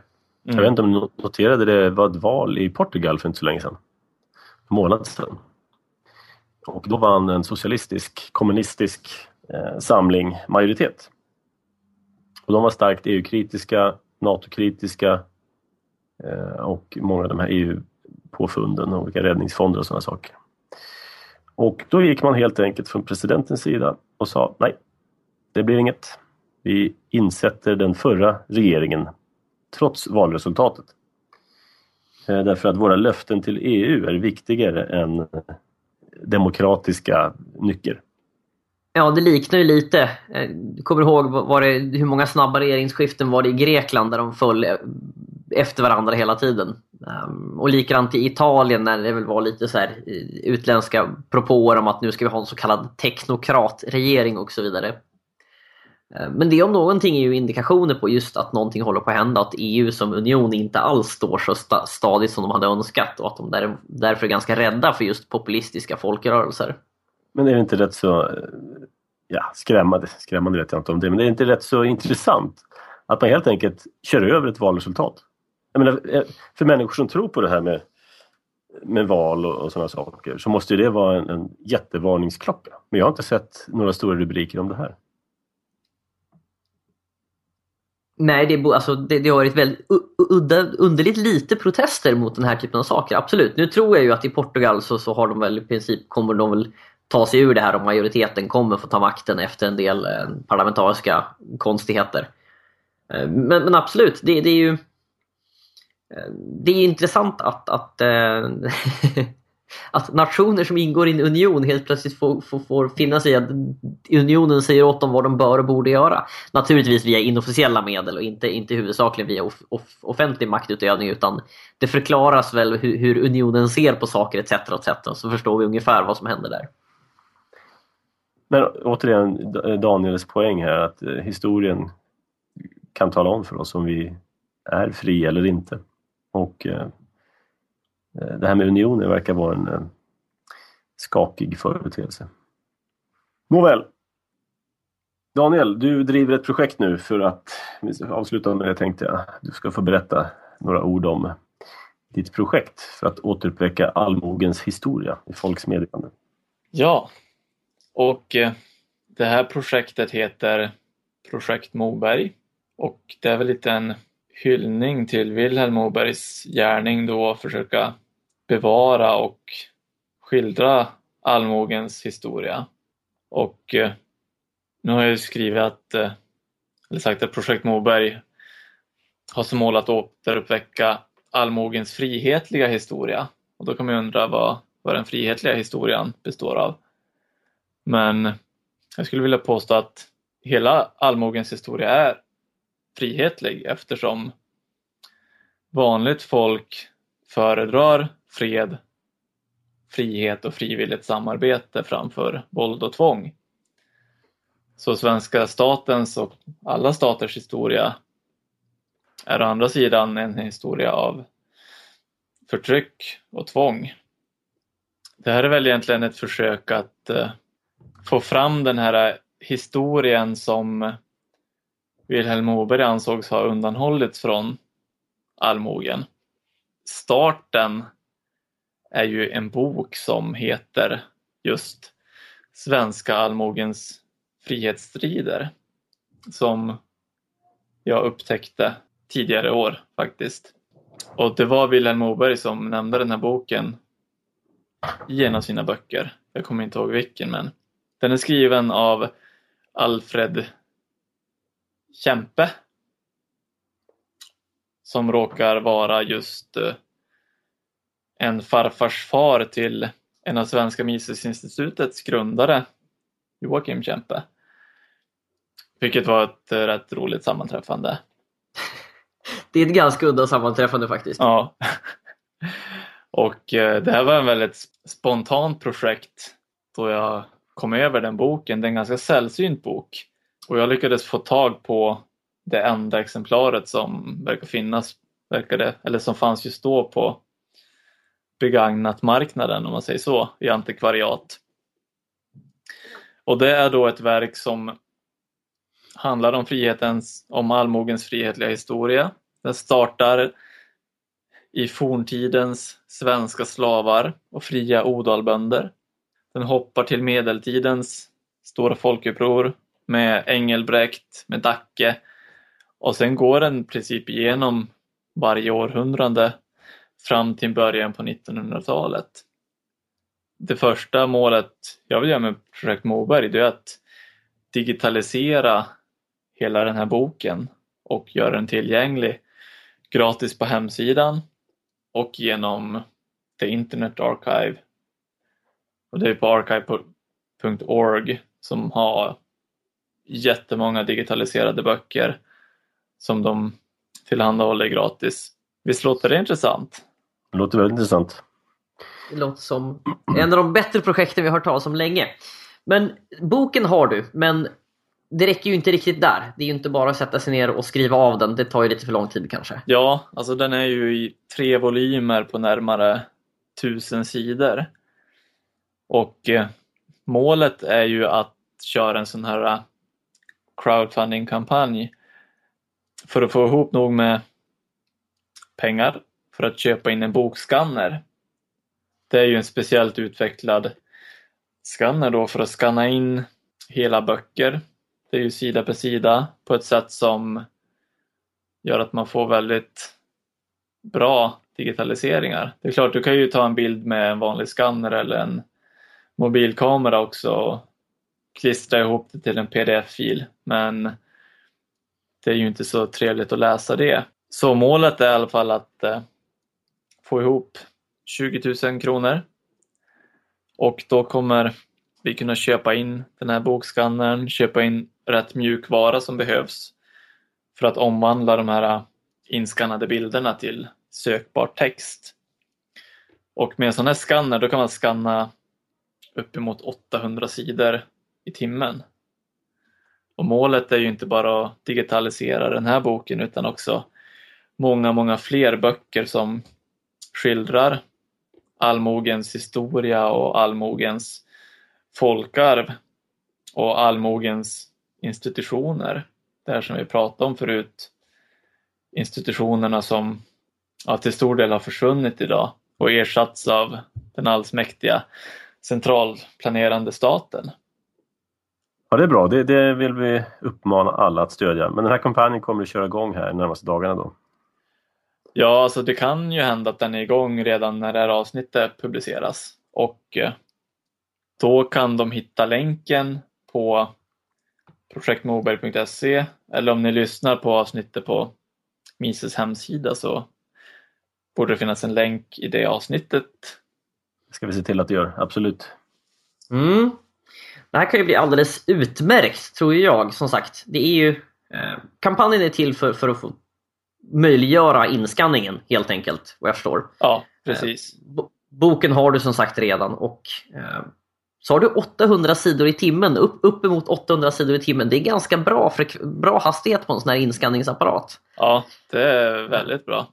Jag gissar att det är du som blir operatör. Det blir jag som blir sidvändare kan man säga. Ja. men, men jag antar att du har en lång lista på böcker som du ska köra efter den här sen också, men det här blir den första då? Jo, jag har en väldigt lång, ohälsosamt lång lista. men eh, Sen gissar vi att det är en del jobb med att det ska ju sammanfogas till en pdf och indexeras och så vidare. Så jag gissar att det tar lite tid att göra det här. Ja, alltså om man skannar 800 sidor i timmen så är ju inte den biten så krävande. Det som egentligen tar tid är ju att foga ihop de här sidorna till någonting läsbart. Och speciellt då då man ska omvandla dem till filer som är optimerade för läsplattor och så vidare. Mycket spännande Daniel. Det här Mm. Mm. absolut stödja och uppmuntra alla våra lyssnare till att stödja. Ja, vi kan ju säga som så här. Det finns ju folk som har funderat, frågat om hur man kan stödja Radio Mises, men vi gör ju Radio Mises eh, helt ideellt. Så att ni får helt enkelt gå och stödja det här istället. Eller vi dyker upp ändå. stödja, stödja mises.se kan man göra. Där kan man donera. Det kan man göra, naturligtvis. Ja, Där bör man donera. det bör man göra.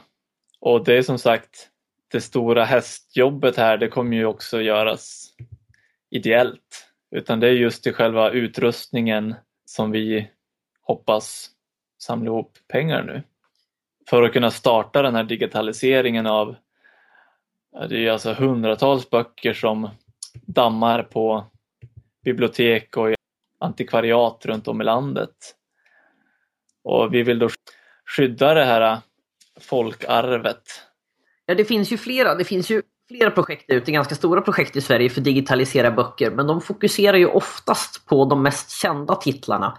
Eh, titlar som räknas någonstans som svenska klassiker och så vidare. Och böcker som till exempel den här Eh, svenska allmogens frihetsstrider faller kanske inte riktigt in i den kategorin så att sannolikheten att någon av dem skulle plocka upp den här i närtid är nog ganska nära noll. Utan det här är ju väl, om jag förstått det rätt, så är det för att fånga upp böcker som kanske inte faller inom eh, det som vanligtvis görs tillgängligt. Ja, precis. Alltså det finns ju stora, många stora bibliotek i Sverige som sysslar med digitalisering. Men då är det ju statligt finansierat och då ska man ju följa ja, statliga prioriteringar. Och jag vill inte gå in på den byråkrati och process som de säkert har för att bestämma vad som ska digitaliseras och inte. Men jag skulle gissa att den här boken skulle vara väldigt långt, långt, långt ner på listan. Ja, det är väl tyvärr risk för det. Ja, men i alla fall så kommer den kampanjen köras igång i dagarna. Den kan kanske vara igång redan när ni hör det här. Så ni får gärna ta en titt och se om det är någonting ni tycker låter vettigt och vill stödja. Så kommer ni vinna evig ära i den svenska frihetens historia. Låter utmärkt. Klaus, har vi någonting mer vi vill tillägga så här på slutet av avsnittet? Jag tror att Klaus har trillat ner i någon djup liten grop någonstans. Vi kanske får klara oss utan honom. Ja, jag har trillat- ner i mute-knappens mörka... Klaus, trycker du på Bakvatten. mute medan vi spelar in? Ja, när jag hostar. Ajabaja. Jaha, okej. uh, Nej, men vi tackar avslutar du Daniel. snäll Klaus. Ja. Stort tack för att du kom hit Daniel och berättade om eh, lite frihetsstrider och ditt nya projekt. Ja, tack så mycket för att jag fick komma. Jag kan ju klargöra att eh, jag har ju varken högskolepoäng i historia eller någon statlig historielicens. Så om jag skulle ha sagt fel på något datum eller andra detaljer så då får ju man inte känna sig alltför kränkt utan då tar jag på mig det att jag inte är fullärd och jag söker fortfarande sanningen. Mm. Om man blir kränkt över datum så kanske man ska hitta en annan podcast att lyssna på. Jag vet inte. Ja, Ja, nej, stort tack eh, Daniel. Det var jättekul att du var med oss och du kommer för alltid bli ihågkommen som den som påpekar att vi borde ha en podcast, vilket vi nu sedan ett tag tillbaks har. Eh, ska väl kanske även påminna om att Klaus, du vet att det är tvåårsjubileum för oss snart. Oj, Eh, det börjar närma sig. hur firar vi det? Ja, jag vet inte. Vi får komma på någonting. Eh, vi återkommer i frågan säger vi. Mycket bra. Mycket bra. Ja.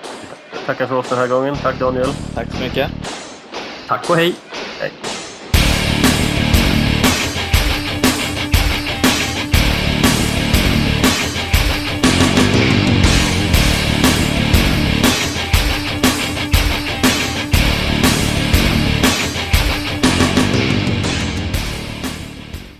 Detta avsnitt är klippt och mixat av CF Ljud. För klippning, mixning eller ljudförbättring ta kontakt med cfljud.gmail.com.